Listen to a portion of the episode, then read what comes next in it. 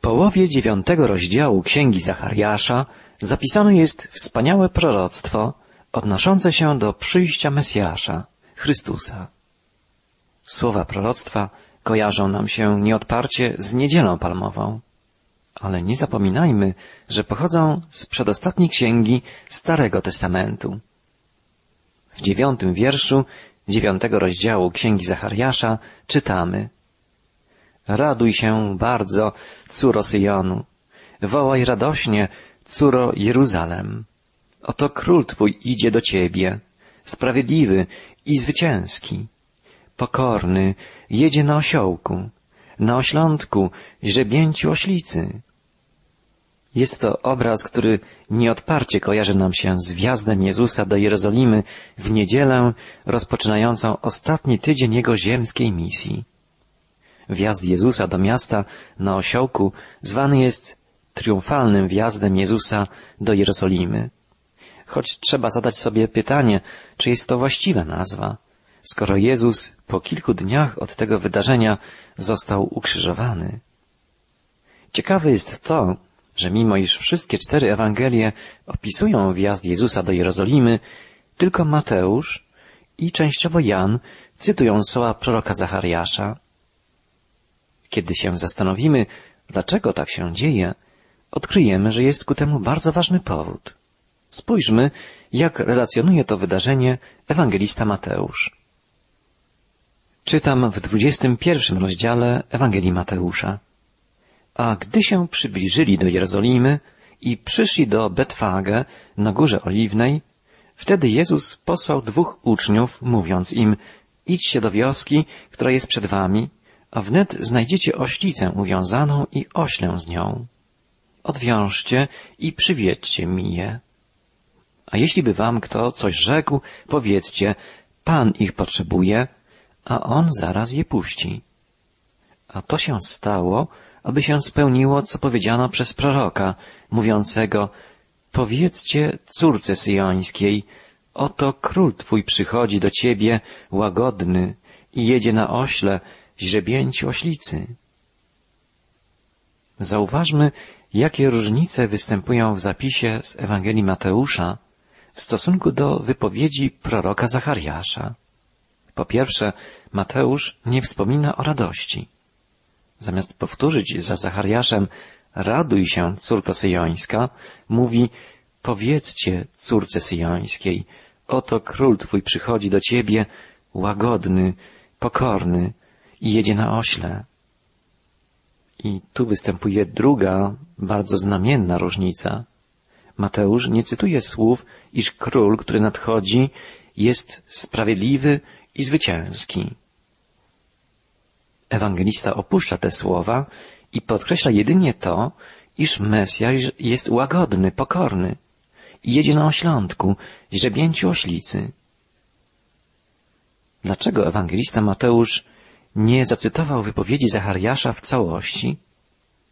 Dlaczego opuścił ważne słowa o sprawiedliwym i zwycięskim królu i o radości córki syjońskiej, czyli Jerozolimy? Dlatego, że wielka radość w Jerozolimie i zwycięstwo sprawiedliwego króla będą znakami drugiego przyjścia Chrystusa.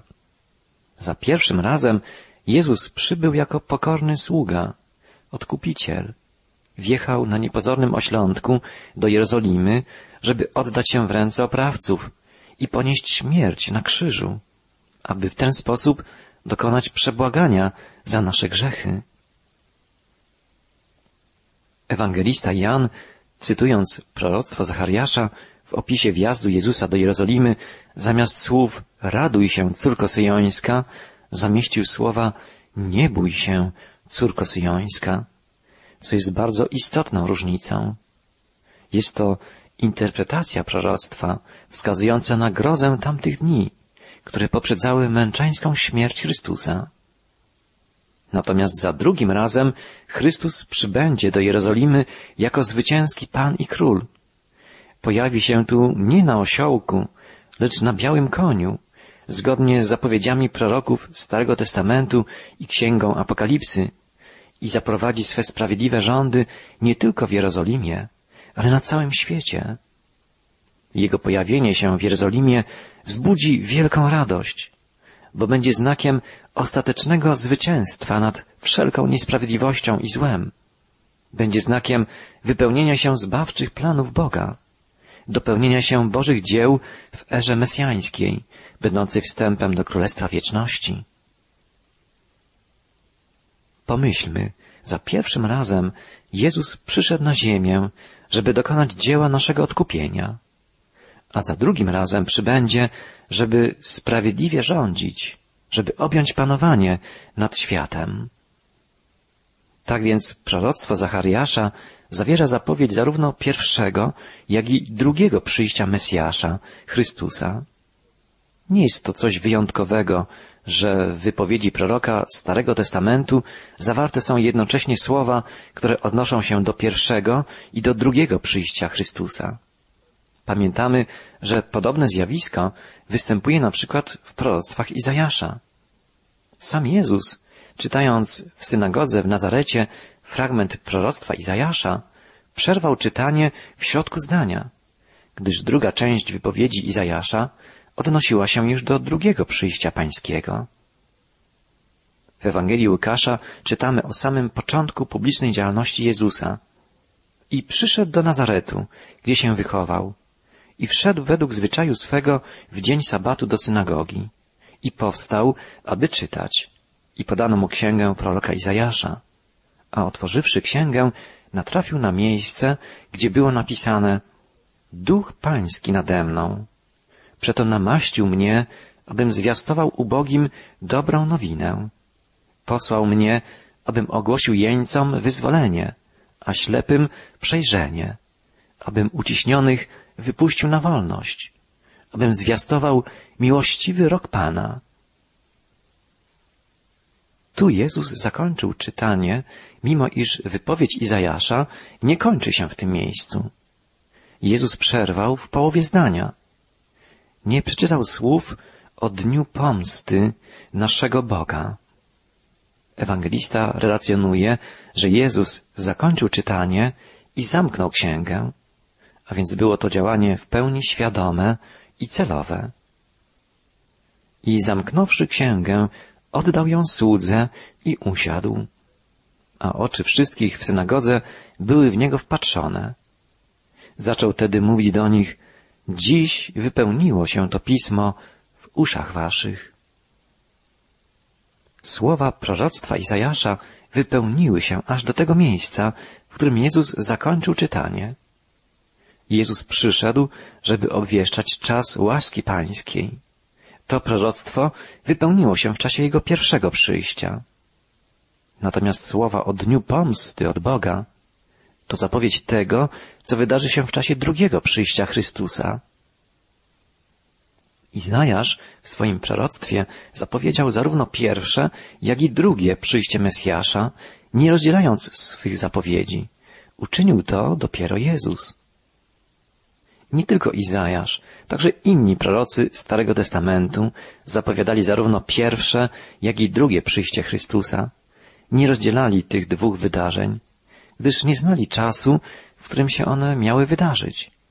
Widzieli te wydarzenia w proroczych wizjach, opisywali okoliczności, zjawiska, które będą im towarzyszyć, ale nie określali czasu, w którym one nastąpią, bo tego im Bóg nie objawił. Posłuchajmy, co na ten temat napisał apostoł Piotr w swoim pierwszym liście. Zbawienia tego poszukiwali i wywiadywali się o nie prorocy, którzy prorokowali o przeznaczonej dla nas łasce, starając się wybadać, na który albo na jaki to czas wskazywał działający w nich Duch Boży, który przepowiadał cierpienia mające przyjść na Chrystusa, ale też mające potem nastać uwielbienie. Apostoł Piotr wyjaśnia, że prorocy przepowiadali zarówno cierpienie Chrystusa, jak i Jego uwielbienie, Jego chwałę. A więc zapowiadali zarówno pierwsze, jak i drugie przyjście Mesjasza. Pierwsze przyjście miało miejsce dwa tysiące lat temu. Natomiast pory drugiego przyjścia nie znamy do dzisiaj. Wiemy tylko, że dzieli nas od niego coraz mniej czasu. Jeden z komentatorów biblijnych porównał sytuację proroków Starego Testamentu do kogoś, kto patrzy z oddalenia na dwa pasma górskie. Jedno pasmo może dzielić od drugiego odległość nawet kilkudziesięciu kilometrów. Ale kiedy się patrzy z dystansu, wydaje się, że szczyty drugiego łańcucha są bardzo blisko pierwszego pasma górskiego. Właśnie w taki sposób spoglądali w przyszłość prorocy Starego Testamentu. Bóg objawił im prawdę o pierwszym i drugim przyjściu Mesjasza, ale nie byli oni w stanie dostrzec dzielącej tych dwóch wydarzeń odległości, co najmniej, o czym wiemy dzisiaj, odległości dwóch tysięcy lat. Dlatego przepowiadali wydarzenia związane z pierwszym i z drugim przyjściem Chrystusa w jednej sekwencji. Na przykład Izajasz w cytowanym przez Jezusa proroctwie mówił o nadejściu Mesjasza, który będzie głosił dobrą nowinę, będzie wyzwalał jeńców, obwieszczał czas łaski pańskiej, a jednocześnie będzie proklamował dzień pomsty Bożej. Te dwie rzeczy są nie do pogodzenia, jeśli miałyby dziać się równocześnie.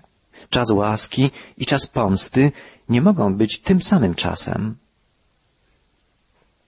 Oczywiście jest inaczej. Czas łaski rozpoczął się wraz z przyjściem Jezusa na ziemię po raz pierwszy i trwa nadal. A czas pomsty, czas sądu nastąpi wtedy, gdy Chrystus przybędzie powtórnie, żeby dokonać sądu nad światem. Podobnie w proroctwie Zachariasza obraz Mesjasza, pokornego sługi pańskiego, jadącego na osiołku, to opis pierwszego przyjścia Jezusa. Przybył On jako odkupiciel, żeby złożyć w ofierze za grzech ludzkości swoje życie. Nie był to triumfalny wjazd Jezusa do Jerozolimy. Gdybyśmy porównali to wkroczenie Jezusa do Jerozolimy z przybyciem do tego miasta na przykład rzymskiego namiestnika albo konsula, albo z wkroczeniem do Rzymu nowego Cezara, musielibyśmy przyznać, że wjazd Jezusa do Jerozolimy na osiołku był wydarzeniem niepozornym, skromnym. Ale jego drugie przyjście przewyższy swą wspaniałością wszystko, co wydarzyło się do tej pory. Zachariasz woła, raduj się wielce, córo Syjonu, wołaj radośnie, córo Jeruzalem. Oto król Twój idzie do Ciebie, sprawiedliwy i zwycięski. Kiedy Jezus pojawi się w Jerozolimie jako zwycięski król, objawiając pełnię swej mocy i chwały, zapanuje wielka radość, bo będzie to znak ostatecznego zwycięstwa Mesjasza, znak wyzwolenia, zbawienia ludu Bożego. O tej wielkiej radości wynikającej ze zbawienia w czasach mesjańskich mówi prorok Zachariasz, a wcześniej wołał o tym wielki prorok Izajasz. Bardzo się będę radował z Pana, weselić się będzie moja dusza z mojego Boga, gdyż obrógł mnie w szaty zbawienia, przyodział mnie płaszczem sprawiedliwości, jak oblubieńca, który wkłada zawój, i jak oblubienicę, która zdobi się we własne klejnoty. Ogromnie się weselę w Panu. Dusza moja raduje się w Bogu moim. To wspaniałe wyznanie. Prorok wyraża ogromną radość i woła w imieniu własnym, w imieniu odrodzonej Jerozolimy i w imieniu całego ludu zbawionych. Co jest powodem tak wielkiej radości? Odpowiedź brzmi, bo przyodział mnie Pan w szaty zbawienia, okrył mnie płaszczem sprawiedliwości, jak oblubienicę strojną w klejnoty.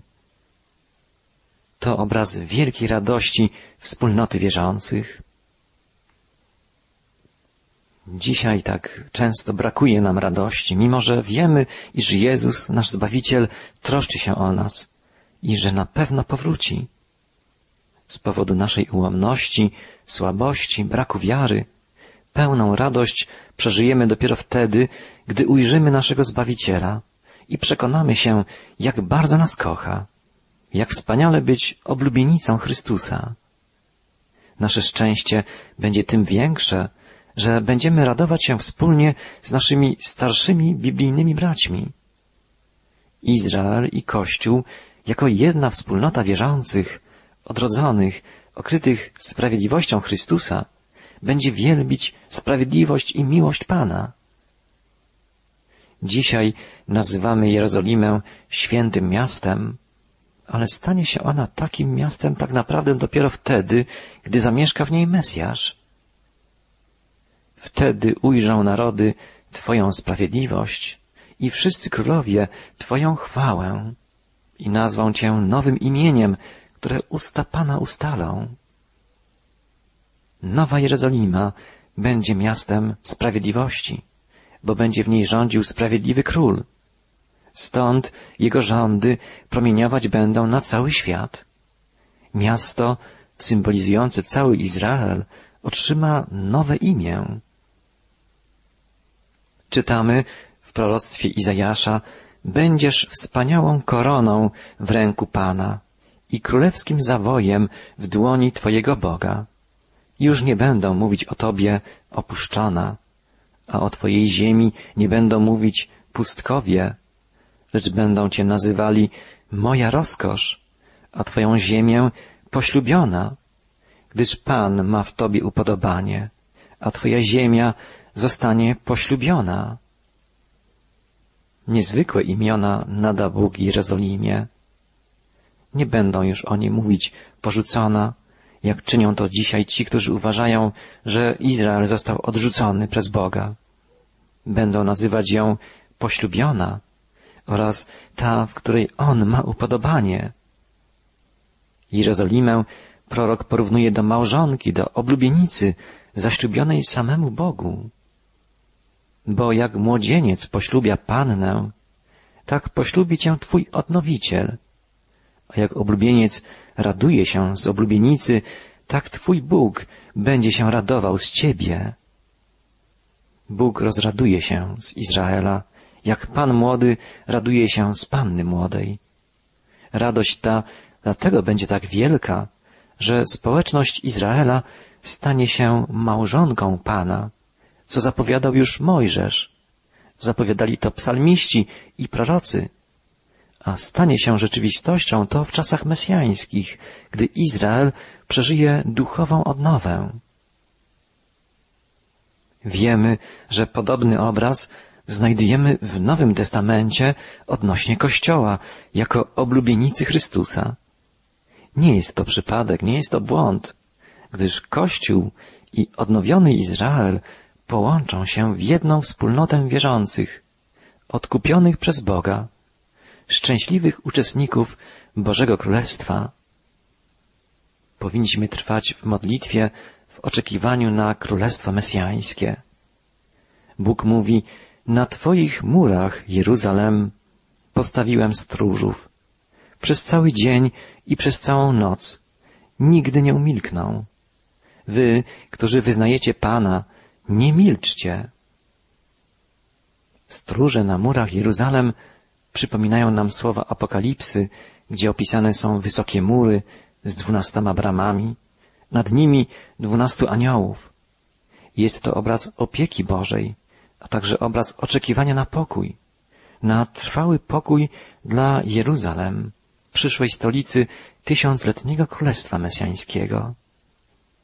Każdy wierzący i znający Słowo Boże człowiek powinien modlić się wytrwale o pokój dla Jerozolimy. I nie dajcie mu spokoju, dopóki nie odbuduje Jeruzalemu i dopóki nie uczyni go sławnym na ziemi. Tymi słowami prorok zachęca każdego z nas do modlitwy o odnowienie Jerozolimy.